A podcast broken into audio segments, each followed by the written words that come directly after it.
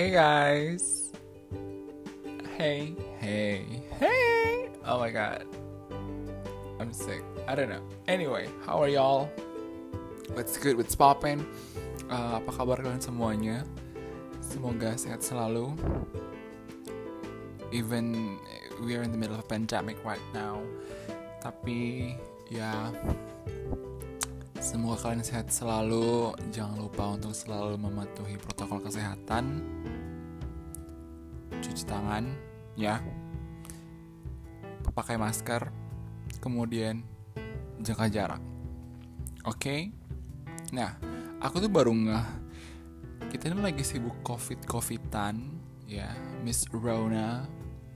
Dan aku udah bikin podcast ini selama ya like dua bulan ya dua bulanan dua bulanan dan aku baru sadar aku belum ngomongin soal Miss Rona.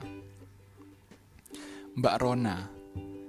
Like um oke okay, gitu kan. Aku ngebahas yang lain dan aku ya kita bahas sedikit lah mengenai si Mbak Rona ini. Karena sedikit banyak menyinggung ke beberapa topik yang kemarin masalah mudik lah atau itu apa pun itu ya.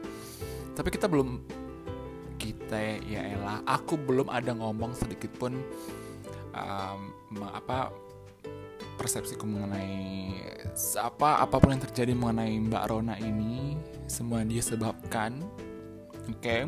so in this episode let's just talk about her it him them ataupun apa pun pronounsnya ya Um, Oke. Okay. Um, mari kita mulai dari yang paling awal ya. Si Mbak Rona ini kan awalnya bermula di Cina akhir 2019 Desember. Dan waktu itu aku feelingnya adalah itu tidak akan menjadi sesuatu yang sifatnya masif global universal apa pun itu kalian mau nyebutnya karena mengingat yang pernah terjadi flu flu ayam, flu babi, flu berbagai macam flu-fluan itu ya itu sifatnya tidak terlalu mendunia. Yang seingatku ya correct me if I'm wrong gitu ya. Yang uh, sifatnya hanya regional. Ya mungkin hanya beberapa negara aja. Dan walaupun itu uh, sampai ke negara-negara lain uh, mungkin karena ini ya penyebarannya juga tidak terlalu uh, mudah kayak Mbak Rona ya tidak mudah tidak cepat juga gitu dan dan apa mudah dideteksi gitu. Kalau Mbak Rona kan enggak. Kalau si Mbak Rona ini, Mbak Rona ini cepet nyebarnya droplets, uh, kemudian apa? Ya mudah lah dari udara aja itu mudah. Makanya kan kenapa kita pakai masker kan salah satu alasan itu ya gitu. Kemudian juga susah dideteksi ya seperti yang kita tahu orang-orang yang kelihatannya sehat ternyata punya gitu jadi kita nggak tahu ini orang lagi sehat tapi ternyata dia di dalam itu udah punya virus dan secara nggak sadar dia karena merasa dia sehat-sehat aja dia santai aja gitu. Yang sebenarnya dia udah nyebarin ke orang lain. Nah itu sih yang bahaya dari si Mbak Rona ini. Yang ini juga yang menjadikannya sensasi yang apa sensasi global fenomenal gitu. Dan dengan uh, apa yang sudah terjadi setelah setahun setahun lebih lah ya. Karena kan dari Desember 2019 sampai sekarang udah setahunan setahunan setahun lebih setahun ya sebulan gitu ya. Dan sekarang lagi dengar-dengar dari teman-teman kita yang di belahan dunia lain ternyata sudah bermutasi. Oh oh Tuhan gitu. Aku juga nggak udah nggak tahu lagi itu mau ngomong apa ya. Cuma aku sih prinsipnya prinsipnya sekarang adalah aku kan menjalani hari-hariku. Itu kayak yang kita tuh kayak kalau mau bikin plan juga udah percuma gitu. Ya aku ini per, lihatnya pribadi gitu ya. Yang aku lihat adalah kalau mau bikin suatu perencanaan yang sifatnya ya bisa dibilang bulanan lah ya. Yang sifatnya masih hitungan bulan. Kayaknya masih useless. Aku aja ini kayaknya mau lebaran tuh kayak yang walaupun kemarin sempat mudik ya gitu ya again don't judge me. I'm sorry guys gitu. Um, lebaran itu kayaknya kalau masih kayak gini terus juga akan susah gitu loh. Ya um, sebenarnya kembali lagi memang semua serba salah gitu.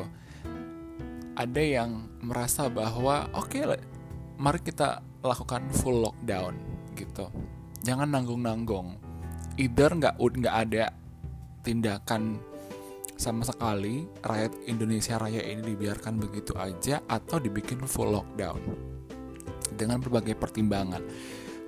Again, setiap pilihan ada positif negatifnya gitu, ada kurang dan lebihnya.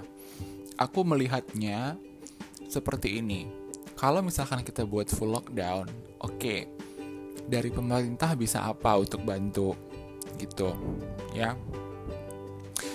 Waktu aku di ini, waktu aku di uh, Belanda, karena aku sempat di Belanda selama COVID tuh.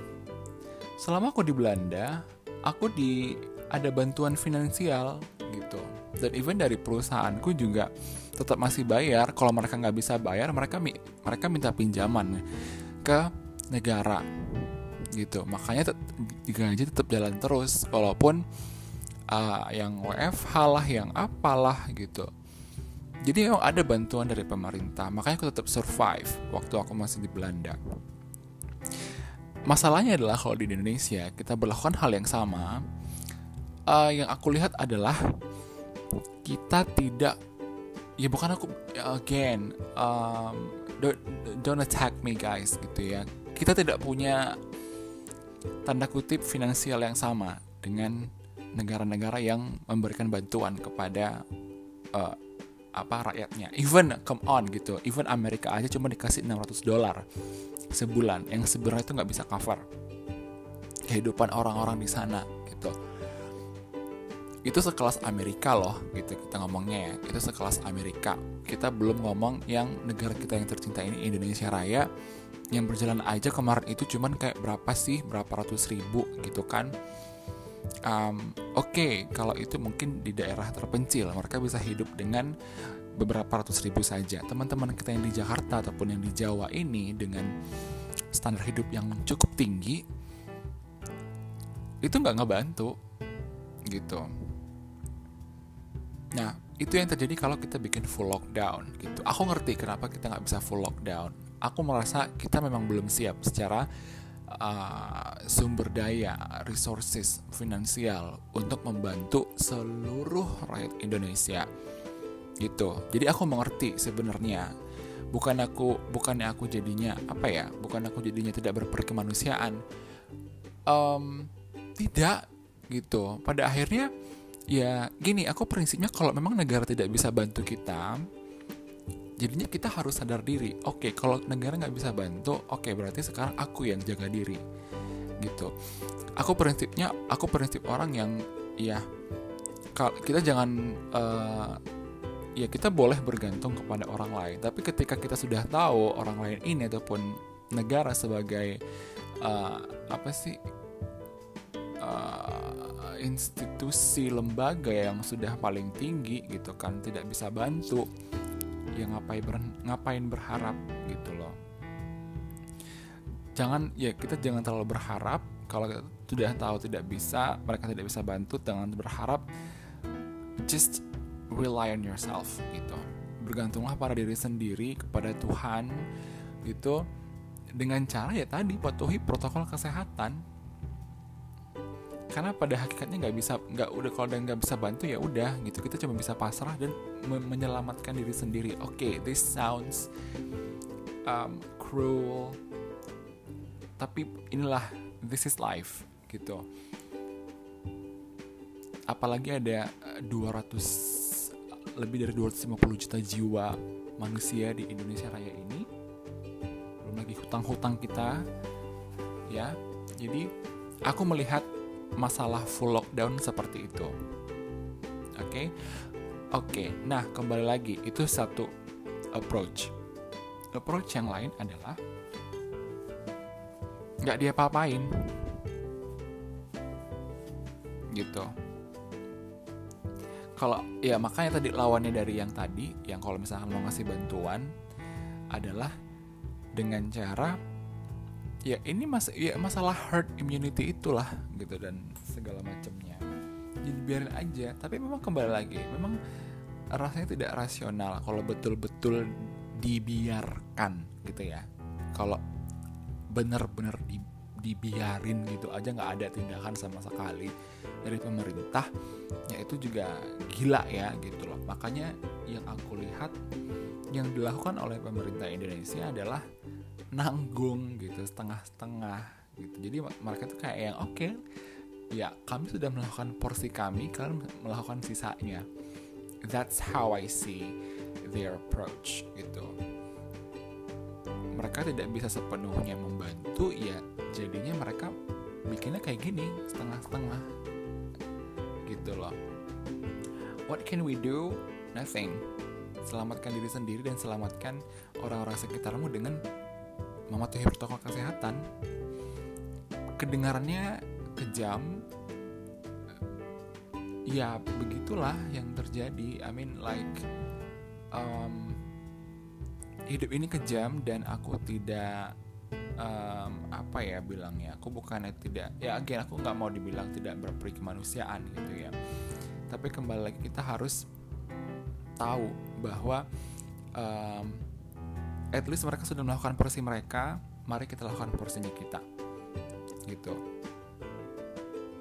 Nah um, kemudian masalah ini vaksin. Gitu. Reza bagaimana pendapat kamu tentang vaksin? Gitu. Aku pro vaksin aku pribadi aku pro vaksin aku dari kecil dikasih vaksin. Aku di apa diimunisasi sama orang tuaku. Gitu kan uh, yang aku kalau ya aku nggak tahu lah aku lengkap tapi kalau aku tanya mamaku dia bilang lengkap lah vaksinku kan. Um, apakah aku akan dap me, apa mendapatkan apa? Uh, bersedia untuk divaksin? Saya bersedia. Ada tapinya gitu ya. Ada tapinya. Tapinya adalah gini um, aku merasa ini semua mengenai vaksin-vaksin ini dibuat uh, in a rush, terburu-buru. Ya. Dan yang aku tahu, ya again correct me if I'm wrong gitu ya. Yang aku tahu adalah membuat vaksin itu kita nggak bisa sembarangan dan harus lihat efek jangka panjang gitu. Nah, sedangkan ini vaksin baru, gimana kita mau lihat efek jangka panjang gitu. Oke, mungkin bisa menyelamatkan kita dari uh, si Mbak Rona gitu kan. Jadinya kita divaksin, kemudian uh, imun kita membentuk uh, apa? Aduh lupa istilahnya, udah lama belajar biologi. Ya sistem imun kita makin kuat lah, udah mengenali si Mbak Rona sehingga nanti nextnya kalau kita ada si Mbak Rona yang masuk udah bisa kebal. Again tapi tapi ke depannya kita nggak tahu ini efek samping jangka panjang. Vaksin ini apa? Ini yang aku masih ini yang belum membuat aku itu kayak masih mikir untuk nerima vaksin. Gitu. Jangan nanti asal nerima nerima vaksin oke aku kebal mbak Rona kemudian ke depannya nggak tahu. Ini efek sampingnya apa? Well, aku aku ya aku aku cuman ini ya, aku cuman berharap pada teman-teman yang udah divaksin um, ya semoga ini ya nggak ada efek samping sama sekali. Tapi itu yang membuat aku masih rentan untuk kayak apa untuk menerima vaksin gitu. Mau itu dari Pfizer, mau dari itu yang lain-lain gitu.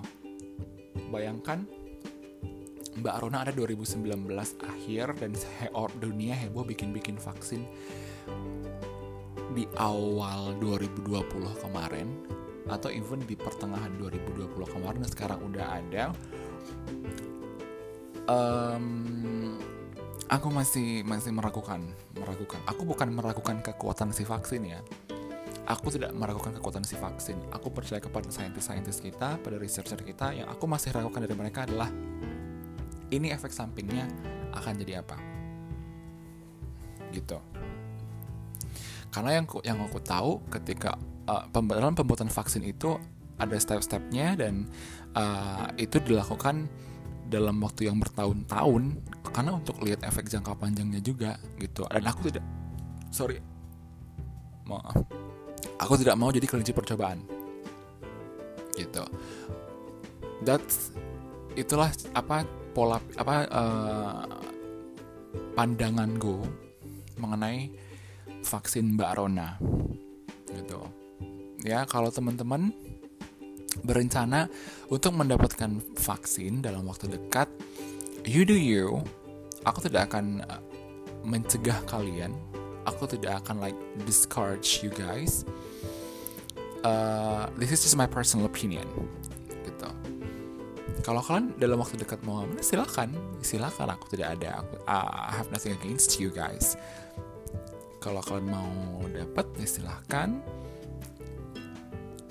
Dan apa ya? Um, kembali lagi kalau misalkan sudah dapatkan vaksin ya jangan kayak ini ya uh, salah satu public figure public figure yang kedapatan gitu. Malah pesta-pesta party-party gitu ya party-party. Setelah divaksin gitu bertanggung jawab lah gitu dengan dengan tubuh kalian. Tapi jangan lupa bertanggung jawab kepada orang lain gitu. Kamu yang udah divaksin orang lain belum tentu gitu. Jadi diingat aja kalian jangan egois kalau misalkan sudah divaksin tetap patuhi protokol kesehatan. Like even kalau kalian juga baca kan bertanya akhirnya dia minta maaf dong ya. Dia minta maaf ya udahlah manusia ada ada salahnya dan dia mengakui kok dia salah itu kan. Tidak menyalahkan pihak mana pun dia menerima itu bahwa itu adalah kesalahannya dia ya sudah gitu. Menjadi pelajaran buat dia dan buat kita semua mungkin ke depannya yang akan menerima vaksin di masa mendatang gitu. Karena tidak tidak aku masih belum tahu lah ini kan aku juga kurang update sebenarnya kalau berita. Apakah semua rakyat Indonesia akan mendapatkan vaksin atau hanya atau mungkin kita harus bayar tapi mungkin di diskon tidak semahal harga-harga yang ada di luaran sana who knows gitu ya. Tapi sampai ini semua aman marilah kita sama-sama menjaga diri kita dan juga orang lain. Gitu. Ya. Oke. Okay. um wait what am I looking at? Um tadi itu. Dan aku gini ya melihat situasi yang sekarang mengenai Mbak Rona. Tadi aku bilang bahwa sudah apa ya new normal sih aku bilang ya sudah menjadi sesuatu yang normal yang baru. Dan kita yang menyesuaikan dengan keadaan ini. Jadi uh, aku tidak melihat this is gonna end anytime soon. Dan aku merasa Mbak Rona akan terus ada sampai uh, entah entah sampai kiamat gitu ya sampai hilangnya populasi manusia di bumi ini gitu. Aku merasa kita akan hidup gitu side to side. Bukan cuma Ariana Grande yang side to side sama Nicki Minaj. Side to side dengan Mbak Rona um, jadi pada akhirnya memang kita harus bikin vaksin. Dan pada akhirnya kita akan menerima aku juga bukan bukannya tidak akan menerima vaksin Mbak Rona ke depannya aku akan aku sudah pasti akan pengen dapat vaksin itu. Not just not this year gitu. Mungkin tahun depan atau dua tahun lagi who knows yes. Semoga aku masih hidup lah ya. Semoga gitu tapi aku lihat kita tidak akan ini tidak akan berakhir dalam waktu dekat. Dan ini sudah akan menjadi bagian dari keseharian kita ya. At least aku rasa sampai tahun depan God kalau aku mikirin itu yang oh Tuhan gitu kan.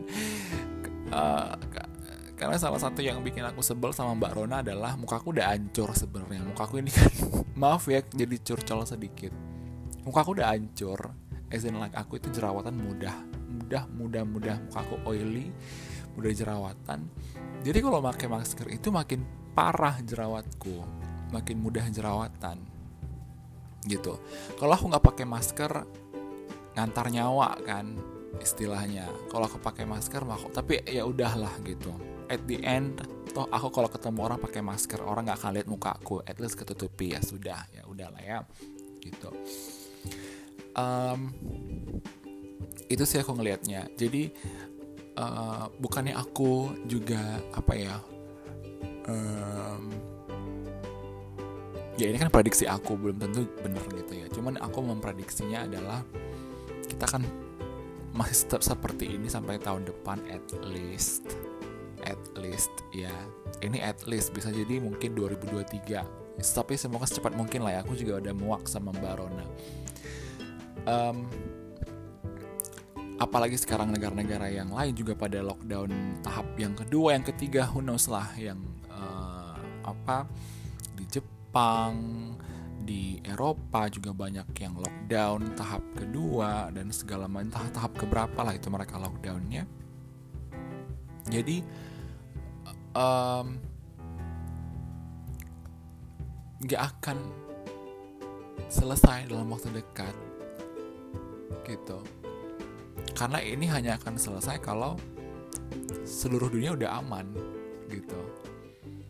Karena pada akhirnya kalau cuma satu negara yang udah bersih emang dia bakal lockdown terus-terusan. Pada akhirnya akan ada ini kan ada turis dan segala macam gitu. Nggak contohnya gini maksud aku gini loh. Uh, kita bikin aja contohnya Jepang misalnya Jepang udah aman nih covid free lah gitu istilahnya ya covid free. Tapi kalau negara-negara lain juga masih heboh dengan covid covidan ya susah juga. Gitu. Mbak Rona ini masalah Mbak Rona ini hanya akan selesai kalau memang seluruh dunia udah aman. Dan ngomongin seluruh dunia aman ini kita nggak tahu gitu. Atau mungkin nggak usah kita ngomong Jepang. Misalnya nih Indonesia udah aman tentram dari COVID hello emang ya aku juga tahu lah orang Indonesia. Dan even aku aku tidak akan ngejudge orang eh aku aja. Eh aku contohnya aku aja nih. Contohnya aku aja ini masih eh, pandemi kemarin karena udah nggak udah kangen sama keluarga sama kampung halaman tetap pulang gitu. Aku ujung-ujungnya memutuskan untuk pulang. Ya walaupun aku juga pulang bukan nggak bertanggung jawab ya tetap tetap mematuhi protokol kesehatan tapi tetap pulang bayangkan aja kalau Indonesia ini udah aman dan heboh ke luar negeri bla bla bla bla bla. Kemudian dari luar negeri bawa virus virusnya lagi. Ya sama aja kan gitu. Jadi aku tidak eh, melihat masalah Mbak Rona ini sebagai masalah Indonesia Raya tapi masalah seluruh dunia. Kita hanya akan aman kalau memang seluruh dunia udah aman. Kalau hanya sifatnya lokal aduh susah susah aku bilang. Gitu sih. Jadi uh, marilah kita ya pasrah tapi again dalam Islam kan tetap nggak boleh hanya pasrah tetap harus ada usaha. Kita usahanya dengan mematuhi protokol kesehatan gitu. Bukannya pasrah ya udah pasrah gitu aja ya kan? Um, tetap patuhi protokol kesehatan bertanggung jawab pada diri sendiri dan juga orang lain. Gitu. Iya diri sendiri dan orang lain. Jangan cuma diri sendiri doang. Oke, apalagi ya mau kita bahas tentang Mbak Rona? Tadi mengenai si Mbak Rona sudah mengacaukan seluruh dunia, kemudian mengenai vaksin, kemudian in the future bagaimana, kemudian oh, apalagi ya? Hmm,